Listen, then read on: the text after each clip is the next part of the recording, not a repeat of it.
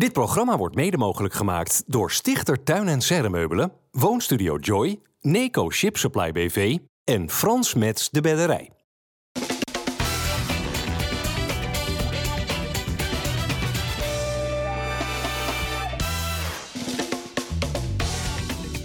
Goedendag dames en heren, hartelijk welkom bij een eh, best bijzondere uitzending van FC Rijnmond. Beetje anders als te doen gebruikelijk. Uh, gaan we zo meteen wel uitleggen waarom. Met Richard Grootscholten, met Ruud van Os en met uh, Robert Maaskant. We gaan het ja, wat uitgebreider hebben over de jeugdopleidingen in Rotterdam. Richard, jij bent van 2016 tot 2018 hoofdopleidingen van Feyenoord geweest. Dus je kunt er, als het goed is, wat over vertellen. Maar ja, eerst nog eventjes, zoals te doen gebruikelijk, ook de actualiteit.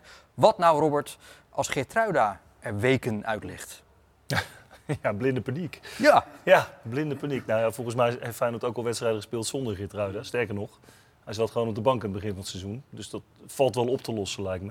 Maar het is Hij wel is wel in vorm. Ja, een jongen die, die goed in vorm is. En, eh, maar dan zie je maar weer dat op het moment dat je in één keer eh, tegen Mbappé volle bak moet sprinten de hele wedstrijd...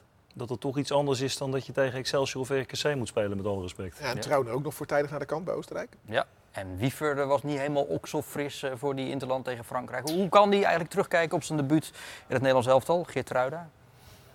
Ja, denk ik heel goed. Kijk, nooit makkelijk om te starten. En dan tegen Frankrijk helemaal natuurlijk. Dus eh, ja, wat mij betreft, hij moest een positiewissel maken. Ja. Nou, dat is ook nooit makkelijk, maar dat deed hij denk ik alleen maar beter daarna. Ehm, Hij gaf dus eh, nee, tweede helft eh, Mbappé even een cakeje hè, over de middenlijn heen. Ik denk zo, hij durft wel. Ja. Maar en, en zoals ik hem ken, he- heeft hij zich ook nog wel wat ingehouden, denk ik zelfs. Oh ja. In de wedstrijd zelf. Maar goed, dat is ook denk ik zelfvertrouwen en eh, Ja. Wat ik wel opmerkelijk vind is de, de, de totale paniek, met name in de Nederlandse media, omdat we een pak slaag van Frankrijk hebben gekeken, gekregen. Maar wij zijn toch gewoon acht keer minder dan Frankrijk. is toch logisch dat dit gebeurt? Als we wel 5-3-2 hadden gespeeld en al die jongens Nee, hadden geen kip curry gegeten, waren, hadden we ook niet Hadden gewonnen we wat van ook pak eh, slaag gekregen, joh. Frankrijk. Wij doen nou net alsof we ons kunnen meten met Frankrijk. Nou, echt niet hoor, met zo'n matige voorhoede. Kunnen we ons wel Nee. meten met Gibraltar? Ja, toch? Nou ja, maar dat, is- dat, dat is natuurlijk wel. Er is natuurlijk een hoop discussie over Taylor geweest of je die op moet stellen, ja of nee. Nou, ik ben daar ook niet zo'n fan van. Eh, maar tegen Gibraltar moet je natuurlijk wel weer mensen hebben die creativiteit hebben en die naar voren kunnen voetballen. Dus dan valt eigenlijk die wedstrijd tegen Frankrijk helemaal weg. En moet je gewoon weer opnieuw keuzes gaan maken. Ja. Even over die Geertruida nog. Want eh, Richard, ja, wij volgen Feyenoord hier natuurlijk eh, meer dan op de voet. Tot achter de komma zelfs. Eh, maar Geertruida spreken we nooit. En dus kennen we hem eigenlijk niet. Hij is echt nu een van de sterkhouders binnen het elftal. Wat is het nou voor een jongen? Jij hebt hem meegemaakt in de jeugd.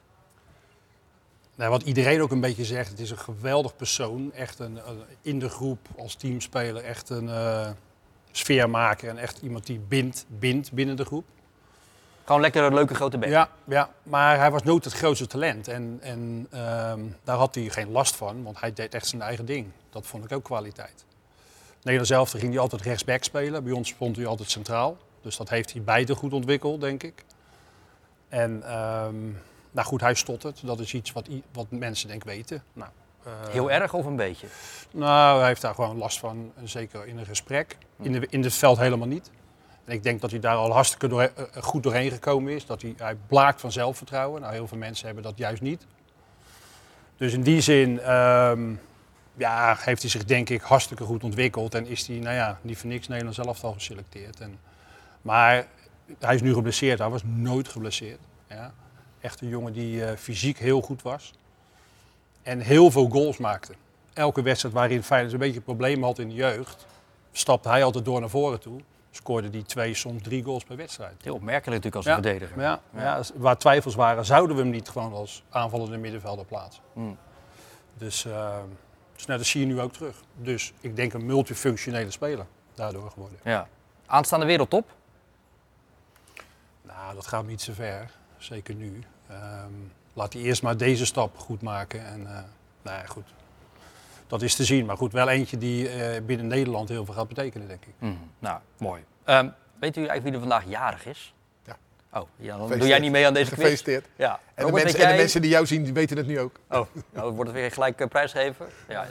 Oh ja, maar deze foto is toch gemaakt vanaf Varkenoord. De Kuip is jarig vandaag, eh, Robert. Oh, Geboren in 1935. 37. 37? 37 geopend. 37 maar 37. Je hebt gelijk, 37. ja, dat is ongeveer eh, gelijk met mijn 86. vader. Ja. En, eh, want die is net 85 geworden. En die Mijn is moeder, eh, geboren naast de Kuip eh, op Zuid.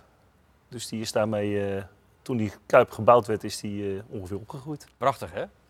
Ook dat die witte letters, die zijn dus nu nog steeds intact. Je ziet het nog veel hè, bij eh, de, de letters van de oude stadions, dat die bewaard blijven. En dat die, eh, bij Go Ahead Eagles heb je dat onder andere, bij FC Ja. Groningen heb je dat ook. Eh, dat die letters nog, eh, nog terugkomen. En ik hoop dat als Feyenoord ooit een keer gaat bouwen, wat waarschijnlijk onoverkomelijk is, want ja, je zal toch een keer naar een nieuw stadion moeten. Of verbouwen. Dat het dan in ieder geval meegaat. Gevoelig Ja. onderwerpje dit. Kunnen we op zichzelf een uitzending over vullen? Doen we vandaag niet. We gaan een uitzending verder vullen. Nou, niet eens vullen. We vinden het interessant om erover te praten. Over de jeugdopleidingen in Nederland en natuurlijk Rotterdam in het bijzonder. Als gezegd, Richard, jij bent hoofdopleidingen geweest bij Feyenoord tussen 2016 en 2018. Ehm, Sparta daarvoor. Sparta ook, Sparta hè. daarvoor en daarvoor ben je ook amateurvoetbaltrainer geweest. Maar ehm, wie waren toen in de tijd dat jij op Varkenoord werkte echt de grote talenten? Geertruida net al even genoemd, maar dat vond je niet eens een van de grootste talenten. Op dat moment niet. Maar wat we toen, dus misschien dat herkennen mensen wel, we zijn de Youth League gaan spelen in dat jaar. Dat is 2000. 17, hè? toen, 17 toen Feyenoord in de. Champions League eh, ja, ging klopt, spelen. ja. Dat- En ehm, daar zat Koksu in. Ehm, daar speelde Geertruida mee. Malatia, Bijlo. Ehm, even kijken, wie vergeet ik nog? Hendricks, denk ik. Hendricks kwam daarbij. Ten zat, daar, zat daar nog onder. Ten Hove in de goal. Ja, klopt. Ehm, maar goed, dat waren eh Crescencio Summerville, niet te vergeten. Goh, van een talent. Daar droop het echt vanaf. Ja, wil ik het... Ehm, nou, laten we het maar gelijk dan mm. over hebben. Summerville. Want ehm, op een of andere manier is er een beweging dat aanvallers opleiden de laatste jaren in Nederland, en zeker bij Feyenoord, toch maar minimaal lukt. Eh, over hoe het waarom daarvan wil ik ook nog even weten. Maar zo'n Summerville redt het niet bij Feyenoord, redt het niet eens bij ADO. En is nu een van de sterren van Leeds United in de Premier League. Hoe kan dat? Ja, kijk, kijk dat, dat hij talent had, dat zag iedereen. En er zijn zoveel wedstrijden geweest die hij beslist heeft. We spelen Real Madrid finale in eh Zagreb, de heer Kuyt coach. Die beslist hij in zijn eentje eigenlijk. In, met een goal, dat is echt wereldklasse. In zijn aanname, met snelheid naar voren. Ja, dat, en hij was zo brutaal. Alleen ja, hij had ook wat moeite met volwassen worden. En dat heeft wel meegespeeld in de opleiding op dat moment. Waardoor ook een aantal dingen wat minder goed liepen. Waardoor, er waren, een aantal keren waren er wat, eh, wat probleempjes mee. Misdroeg hij zich af en toe? Nou ja, goed, net u het noemt, maar hij had daar moeite mee. En eh, dat kan. En er waren meer spelers. Dus ja, en, en op een gegeven moment heeft Feyenoord besloten om hem te eh, ja, verhuren, maar dat werd verkoop. Ja, dus, eh, dus in die zin ehm, hebben ze dat niet doorgetrokken met hem. Is dat fout geweest? Had je misschien Ja. die, die nukken maar eventjes een tijdje moeten accepteren? Eh, ik moet ook maar even denken aan Robin van Persie. Vonden we ook allemaal een Nou ja, afval terrible. Volgens mij gaat het over waar ligt die grens qua nukken. Dan een keer maar- te laat komen is Ja. wat anders dan wat met Summerville gebeurd is. Wat was het met Mats Knoester, een vechtpartij in de kleedkamer waarbij Ja. de broer van Summerville ook naar binnen kwam. Ja. Dat soort zaken. Ja. Dat wil je niet hebben natuurlijk. Nee, dat- dus op een gegeven moment is het natuurlijk een optelsom. En kijk, PSV had als voorbeeld Depay. Daar zei de directie tegen alle trainers, wat er ook gebeurt, hij gaat er niet uit. Dit jaar blijft hij spelen, want hij wordt daarna zoveel geld waard. Mhm. Ja, kan je dat doen? Hoe ver kan je gaan? En, en eh, nou goed, dat is toen bij Feyenoord eh, is dat niet... en, en dat is ook gewoon, vind ik, terecht geweest op dat moment. Uiteindelijk is hij 40 miljoen waard. Nou ja, goed, in ieder geval eh, dat hij dit nu laat zien, daar sta ik niet van te kijken. Dat Nee, is, maar dat is dat is, dat is wel, ik vind dat we te makkelijk in Nederland oordelen over spelers die het niet gehaald hebben en die het achteraf dan wel halen. Dan heeft die club het dan maar even ver- verkeerd gezien. Feyenoord met Vincent Janssen bijvoorbeeld ook. Eh, Zo makkelijk om dan te zeggen dat ze het niet snapten toen. Eh, Nee, daar ga ik niet in mee. Weet je wel? Eh, Het, hangt ook een beetje van toeval af, van ontwikkeling op latere leeftijd. Ruud, wat wel, dat ben ik met je eens hoor, maar wat wel een discussie waard is, vind ik, en dat geldt niet alleen voor Nederlandse opleidingen, maar voor alle opleidingen, dat wij, coaches, hoofdopleidingen, technisch directeuren, heel vaak alleen nog maar kijken naar de kri- kritische punten van naar de spelers. Wij kijken niet maar wat hebben ze wel, maar we kijken heel veel wat hebben ze niet. En daar rekenen we, vind ik, veel te veel spelers op af op de lange termijn. En dat is heel voorzichtig is dat dan kantelen. Dat we nu wel wat meer gaan kijken naar de positieve dingen. Maar we kijken veel te vaak, en daar heb ik mezelf ook schuldig aan gemaakt. Ja, maar hij kan dat niet. Oh, dan gaat hij het nooit redden. Terwijl ik denk van nee, nou, ik heb het met, met Mats meegemaakt en Tiganoini Benak. Die waren allebei weggestuurd. Het eerste wat ik gedaan heb is die twee gasten teruggaan. En waarom waren ze weggestuurd? Omdat ze een mars gestolen hadden uit de supermarkt. Nou, Ja, dan, dan vind- moet je ze voor straffen. Vind ik niet niks hoor. Maar, Nee, maar dan moet je ze voor straffen, maar dan moet je niet een carrière voor beëindigen. Dat vind ik een groot verschil. Nee, maar kijk, die, die jeugdelftallen, met name die hoogste jeugdelftallen, die kunnen maar uit, nou dat weet jij veel beter, uit eh, weet ik het, 16 man bestaan. Je kan ze moeilijk er allemaal bij houden. Je zal keuzes moeten maken op enig moment. En dan gaan dit Ja. soort zaken wel een rol spelen. Nou, dat, ik vind dat je talent eh, eh, altijd. Van Persie vind ik daar een heel mooi voorbeeld van. Kijk, en de, dat zijn natuurlijk wel supertalenten. Maar ik vind dat we in de opleidingen vaak te veel kijken naar de negatieve kant in plaats van naar de Ja, positieve maar misschien kant. hebben ze er wel twee te, gehad van, oké, dan eh eh, Jansen niet en de ander We, wel. we, hebben- we, hebben- we, hebben, we hebben de expert aan tafel, Ja. toch? Nou ja, eh, de naam is van is gevallen, de naam van Van Persie is gevallen. Noem ik daarmee ook gelijk de laatste aanvallers die Feyenoord heeft eh, voortgebracht. Richting eh, de nationale en internationale top. Met andere woorden, hoe komt het dat eh, het niet lukt om aanvallers op te leiden?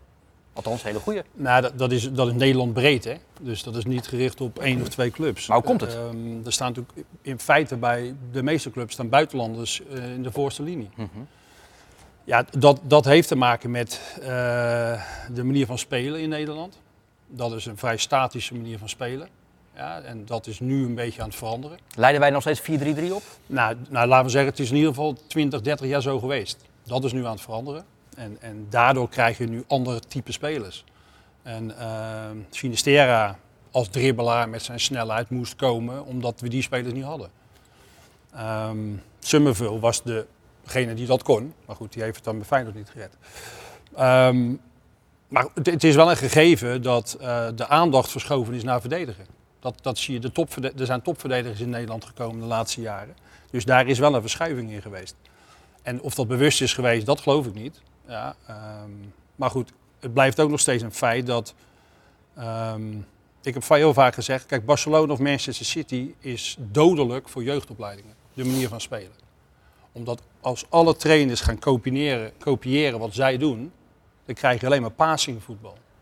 Nou, je moet kinderen eerst leren dribbelen, fouten leren maken. Mensen, anders gaan ze ook alleen maar pasen spelen. Nou, als je de coaches hoort, en dan vooral van een wat minder niveau, bij lagere clubs, amateurclubs, die moeten opleiden voor betaalde voetbal.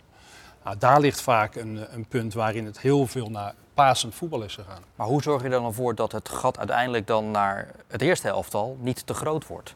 Want dat is natuurlijk ook een probleem van Feyenoord jarenlang Ja, je in geweest. te schrijven voor de Jupiler League bijvoorbeeld, eh, die nu KKD heet. Ja, ja daar Nou, sta je maar- iets aan, maar dat is natuurlijk wel Maar eh, dat- spijker op zijn kop. Maar dat heeft wel bewust te maken met keuzes maken in je beleid.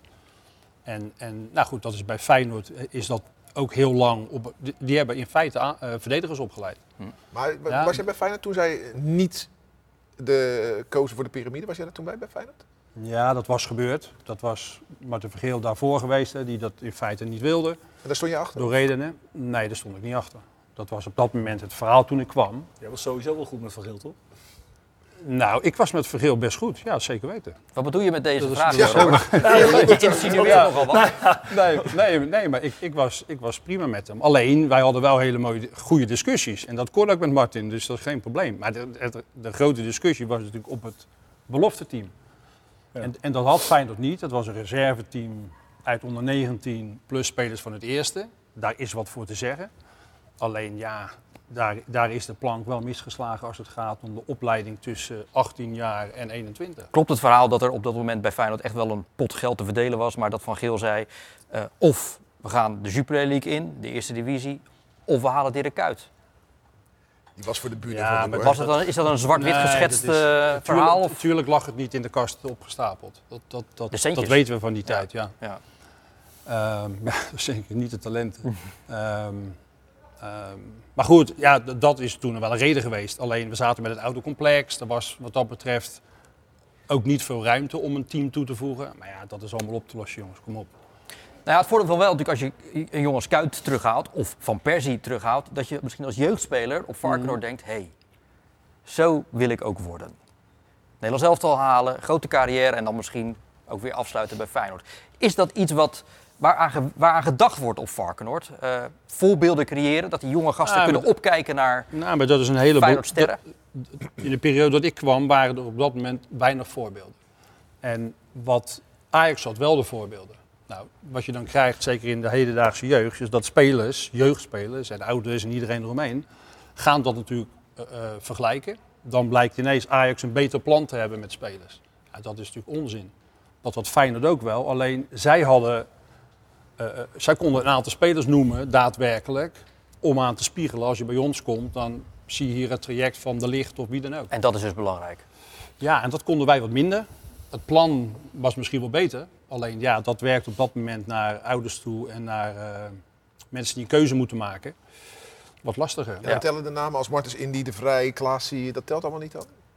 Wel, alleen jeugdspelers op dat moment, ja, die leven in een wereld wat niet tien jaar terug gaat. En die worden geen kampioen in de Premier League, Ruud. Dat is natuurlijk... Dat is En hedendaags probleem. leeft men natuurlijk Ja. in een hele korte agenda. Men leeft, Vrij wel eh, kampioen in Italië. Ja. ja, dat is waar. nou, dat was in ieder geval niet genoeg. Maar het zijn natuurlijk twee onderdelen. Je hebt één onderdeel jeugdopleiding. Van hoe leid je je spelers daadwerkelijk op. Bij Feyenoord is er een lange cultuur geweest hè, op de maandagochtend aan het tafeltje. eh, Wat nu een beetje veranderd is. Die, die vrij negatief was richting spelers en jongens die binnenkwamen. Nou, dat, dat zijn die ventjes in de huidige maatschappij niet meer gewend. Ik ben ook nog zo opgevoed. Hè, dat je op je kloten kreeg. Alleen maar. Er werd nooit wat positiefs gezegd. Maar twee is, heb je een trainer in een eerste elftal staan. Die gewoon zegt, joh, ik heb vertrouwen in jou. Jij gaat spelen. En dat is bij Feyenoord natuurlijk weinig gebeurd. En daar heb je, nou, we zien nu het plaatje van Slot op de achtergrond. Slot heeft daar wel wat meer eh, vertrouwen in, in sommige jonge jongens. Die durft dat in ieder geval wat meer. En je ziet sommige dingen ook uit nood geboren worden. Hm. Eh, nou, we hebben het nu over Wiever steeds. Dat is dan geen product van de Feyenoord jeugdopleiding. Maar eh Malasia ging ook spelen omdat ja, het kon eigenlijk even niet anders. En in één keer breekt zo'n jongen door. Dus dat is ook wel, dat hebben we Sparta natuurlijk ook wel eens gezien.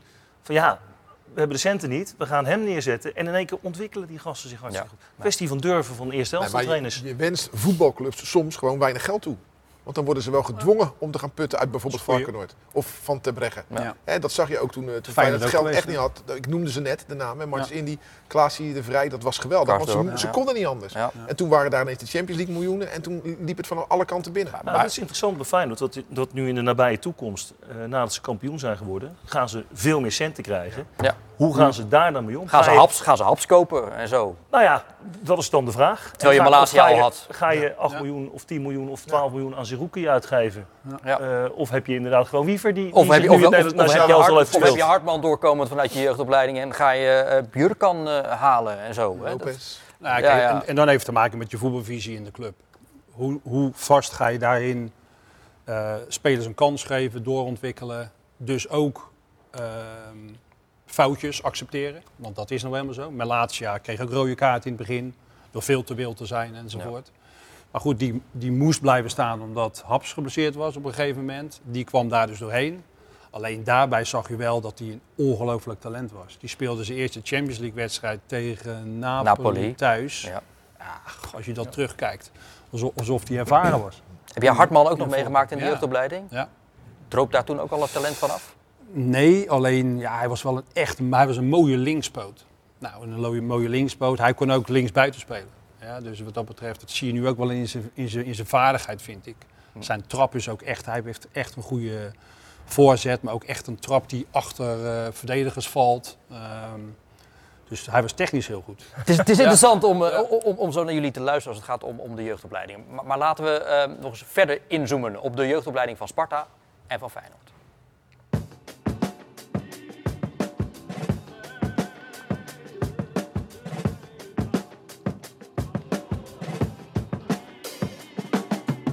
Vind dat de opleiding echt eh, eh, een enorme eh, sprong heeft gemaakt, wat ik begrijp van collega's. Met name ook in, in methodologie. Als je kijkt wat, eh, ehm, wat er vanuit Koen Stam en, en Rini Kolen eh, richting de trainers eh, wordt gebracht om uiteindelijk spelers op te leiden. Dan hebben ze daar enorme stappen in gezet. Eh, alle trainers die, die met elkaar het beste met de spelers voor hebben om uiteindelijk ze naar de Kuip te brengen. En ik denk dat, eh, ehm, ja, dat spelers een, eh, geweldige omgeving hebben, nogmaals gezegd, met het, met het nieuwe gebouw sinds een aantal jaar. Er is op Varkenoord de afgelopen jaren veel veranderd. Er kwam een nieuw hoofdjeugdopleiding, er werden veel nieuwe trainers aangesteld en bovendien kwam er een gloednieuw complex. En misschien nog het belangrijkste is dat de manier van werken door heel de opleiding is rechtgetrokken, zodat het vergelijkbaar is met hetgeen er in de Kuip en op 1908 wordt gedaan. Kijk, wij werken twee wekelijks met, eh, met, eh, met een nieuwe, nieuwe doelstelling.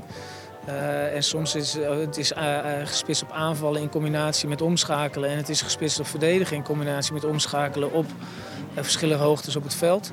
Nou ja, en dat, maar met name de intensiteit waarop gespeeld moet worden en de intensiteit waarop getraind wordt. Ja, dat is het meest interessante om dat te vergelijken met het eerste elftal.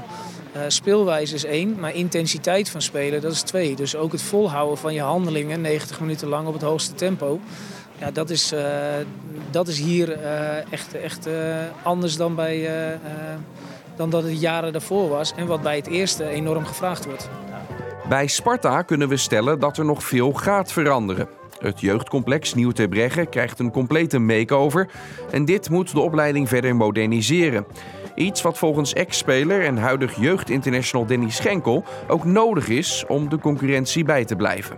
Ja, bij Sparta moeten we daar nog wel stappen in maken, vind ik. We lopen wel een beetje achter op, uh, op, op, de rest van de BVO's. Het heeft natuurlijk ook een stukje te maken dat, uh, dat de Breggen, ons, ons complex, wordt nu verbouwd. Dus we zitten bij een amateurcomplex PPC en we, spelen thuiswedstrijden bij Excelsior Mersluis. Dus ja, in ieder geval kernwoord was flexibiliteit dit jaar. Maar wel met het idee dat we een fantastisch mooi complex krijgen. En dan hopelijk vanaf volgend seizoen ja, dat we ook die jongens de maximale faciliteiten kunnen bieden die ze, die ze ook verdienen. Uiteindelijk staat de jeugd centraal. En de weg van elke jonge voetballer loopt anders. Zo lopen sommigen op dit veld al van kleins af aan rond bij de club, terwijl anderen pas op latere leeftijd een kans hebben gekregen om hun betaald voetbaldroom in leven te houden. Ik speelde eerst bij mijn amateurclub in de buurt, uh, eh, WFB heet het. Toen op mijn denk zesde volgens mij was het, werd ik gescout. En uh, ja, sindsdien speel ik uh, al tien jaar, elf jaar in de jeugdopleiding van Feyenoord. Ja, dat is bijna dus het merendeel van je leven tot nu toe ben je Feyenoord. Dat is best wel bizar, toch? Ja, zeker. Ja, het is echt een soort van groot deel van mijn leven. Ik speelde eerst bij Westlandia. In de jeugd uh, heb ik altijd gespeeld. Toen heb ik stage gelopen bij verschillende clubs. Ook bij Sparta en toen ben ik hier naartoe gekomen. De jonge Sam Esselink ging pas op zijn zestiende weg bij amateurclub Westlandia. En dat laat zien hoe het ook in het jeugdvoetbal werkt. De grote BVO's halen de grootste talenten uit de omliggende steden en dorpen weg. Maar ook binnen de BVO's gebeurt natuurlijk hetzelfde. Vooral Sparta heeft te maken met flinke concurrentie in de regio vanuit Feyenoord. En heeft daarom jaren geleden al een deal gesloten met Ajax. Ajax mag maar maximaal drie jeugdspelers per jaar overnemen. Het is een deal waar Sparta nog steeds achter staat. Uh, we hebben een hele goede samenwerking met Ajax daarin, waarin we ook uh, intern goede afspraken hebben over, uh, ja, over het verloop van, van hoe we met elkaar omgaan. En ja, dat gaat op een hele goede manier. En uiteindelijk profiteren we daar ook als Sparta zijnde van op inhoudelijk gebied. En ja, verloopt die samenwerking gewoon prima. Maar goed, het is gewoon de wet van het voetbal. Hè. De, de, de, de grote talenten die, die worden weggetrokken door de grote clubs. Het uh, enige wat je kan doen, hè, dat hebben we ook gedaan nu met, uh, met een Jesse Bal, die ligt ook gewoon uh, drie jaar vast. Hè, die, die, die tekent een contract. Nou goed, en dan zit je in een andere uitgangspositie natuurlijk. de onder 16, Giannino Vianello, ook een groot talent. Die ook, ook contract getekend de afgelopen weken. Nou, zo probeer je wel grote talenten binnenboord te houden. Want die grote talenten zijn uiteindelijk nodig om eigen kweek door te laten breken. Iets wat op zichzelf al niet makkelijk is, zeker nu zowel bij Feyenoord als Sparta er een hoger niveau wordt gevraagd dan de jaren hiervoor het geval was. Ze moeten geduld hebben en de kans die ze krijgen, ja, dat moet een gouden kans zijn. Kijk naar uh, Hartman, die, uh, die krijgt de kans, die grijpt zijn kans en die, uh, die is zelfs nu op de voorlopige lijst van het A-elftal van, van Oranje. Feyenoord doet het wat dat betreft goed, met Kuksu, Geertruida en Hartman als jeugdspelers in de basis en normaal gesproken hoort Bijlo daar ook bij. Bij Sparta is er echter na het vertrek van Sven Meijnans, die net als Esselink pas later van een amateurclub overkwam, geen jeugdspeler meer in de basis terug te vinden. Nou, we hebben nu uh, recent voorbeelden gehad van bijvoorbeeld uh, Revin Rosario die zijn debuut heeft gemaakt, Motahiri die uh, zijn debuut heeft gemaakt.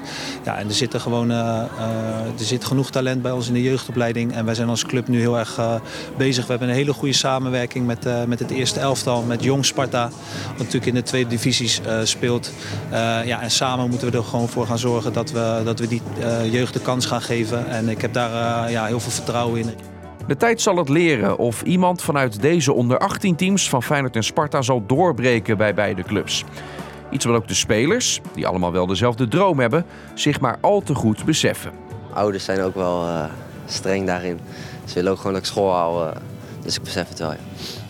Maar goed, dan nog de droom die is denk ik wel duidelijk, toch? Wat je hiermee wil bereiken. Tuurlijk, ja. Voor mij is het gewoon duidelijk. Ik wil gewoon uh, voetballer worden. Maar mijn ouders eh, moet ik ook een beetje tevreden houden. Mijn droom is wel echt om eh, door te breken voor Feyenoord.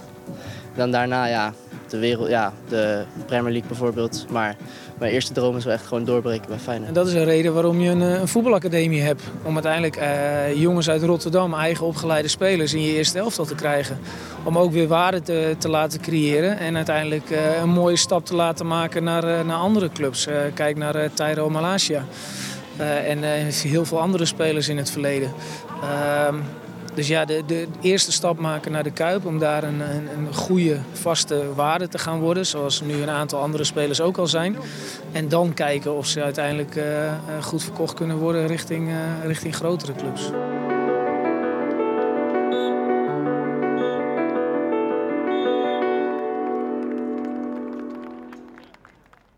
Ja, mooie blik in eh, de jeugdopleidingen van eh, Feyenoord en Sparta, opgetekend door de verslaggever Justin Kevenaar. Eh, Richard, jij hebt eh, in eh, veel academies ook in het buitenland eh, gewerkt, in Polen, in eh, Canada.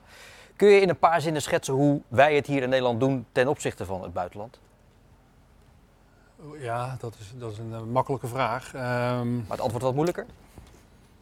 Nou ja, ik ga het kort houden, anders dan, dan is het een lang verhaal. Ehm, kijk, wij zijn zo goed georganiseerd in Nederland. En dat komt doordat de afstanden kort zijn en klein zijn. Het amateurvoetbal, als het gaat om faciliteiten en mogelijkheden. Dat is in het buitenland altijd een mega groot probleem. Ja, in Canada moesten wij vliegen naar wedstrijden toe met jeugd. Ja, dus dat, dat, dat is een heel ander verhaal. Dus dat heeft een groot voordeel in het, in het opleiden van, ehm, van zeg maar, de piramide van de basis met jeugd naar de top toe. Ehm, nou goed, wij hebben veel mogelijkheden en wat dat betreft. Nou, buitenland heeft dat niet. Nou, geen mogelijkheden hebben, of tenminste in het buitenland kan, is dat anders, laat ik het, zo, laat ik het goed zeggen. Ehm, alleen daar krijg je creativiteit door. En eh, als je Polen neemt als voorbeeld, ja, die missen dus eigenlijk allemaal vaardigheid. Nou is Szymanski een uitzondering, daarom loopt hij ook hier. Ehm, maar verder is het heel fysiek, ehm, maar het is in karakter en mentaal en doorzettingsvermogen en taakgerichtheid weer zo goed. Daar zouden wij heel veel van kunnen leren.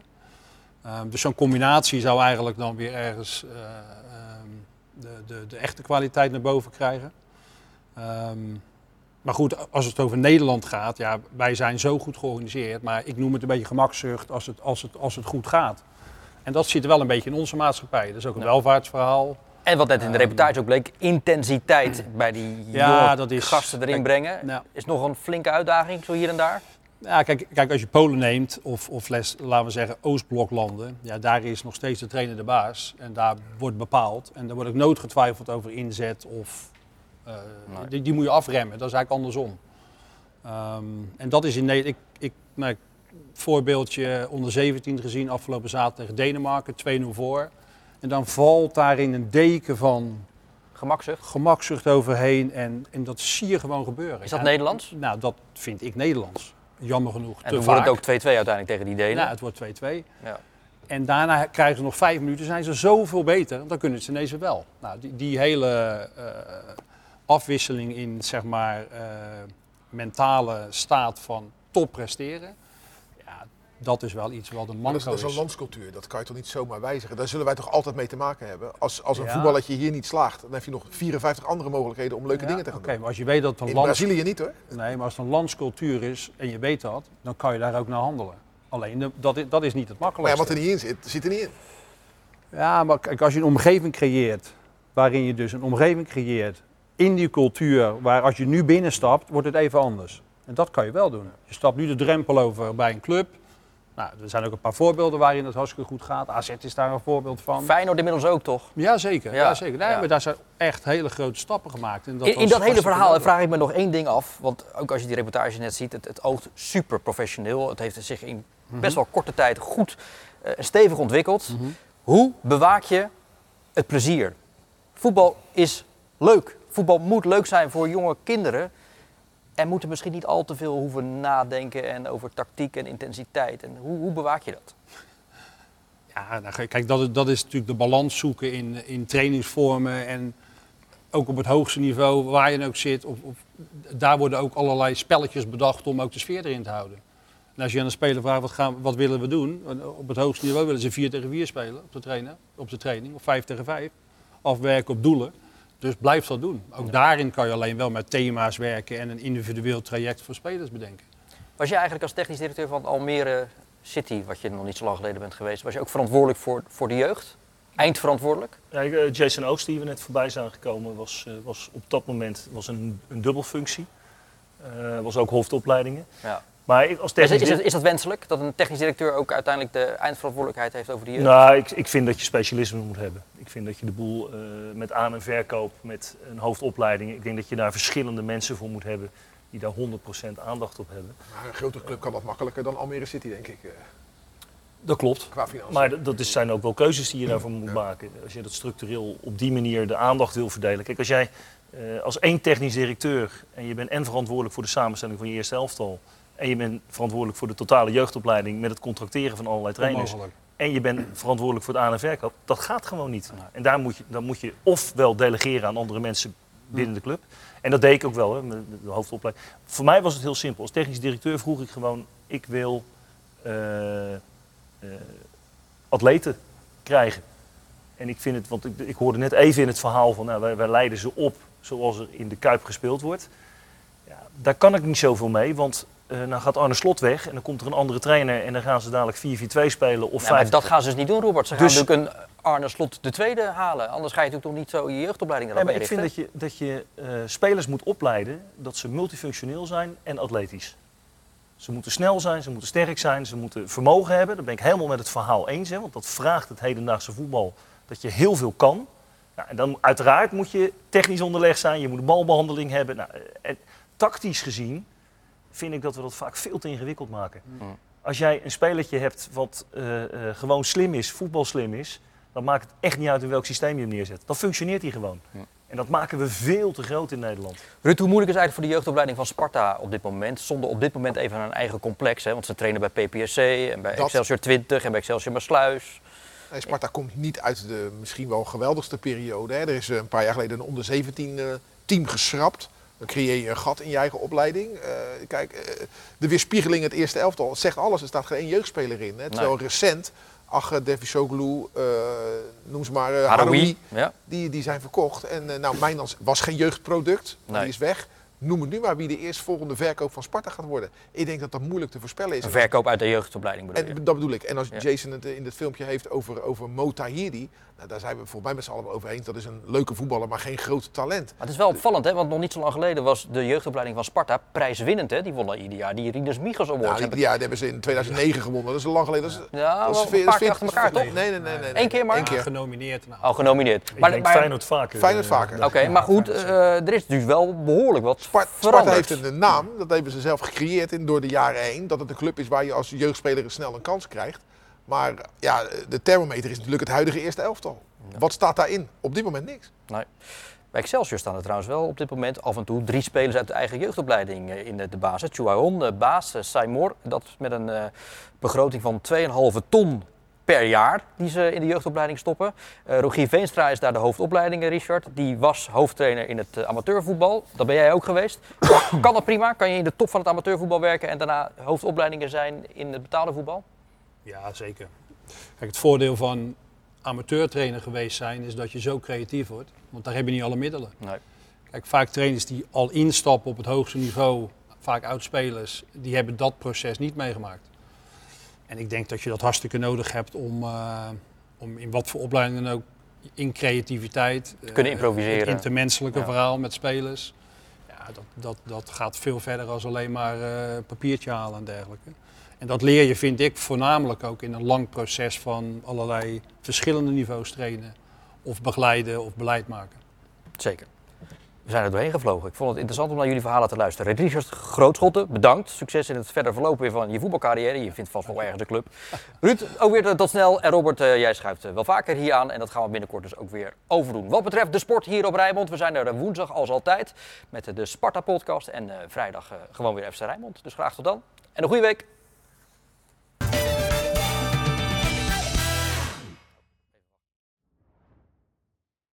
Dit programma werd mede mogelijk gemaakt door Stichter Tuin en Serremeubelen, Woonstudio Joy, Neco Ship Supply BV en Frans Mets de Bedderij.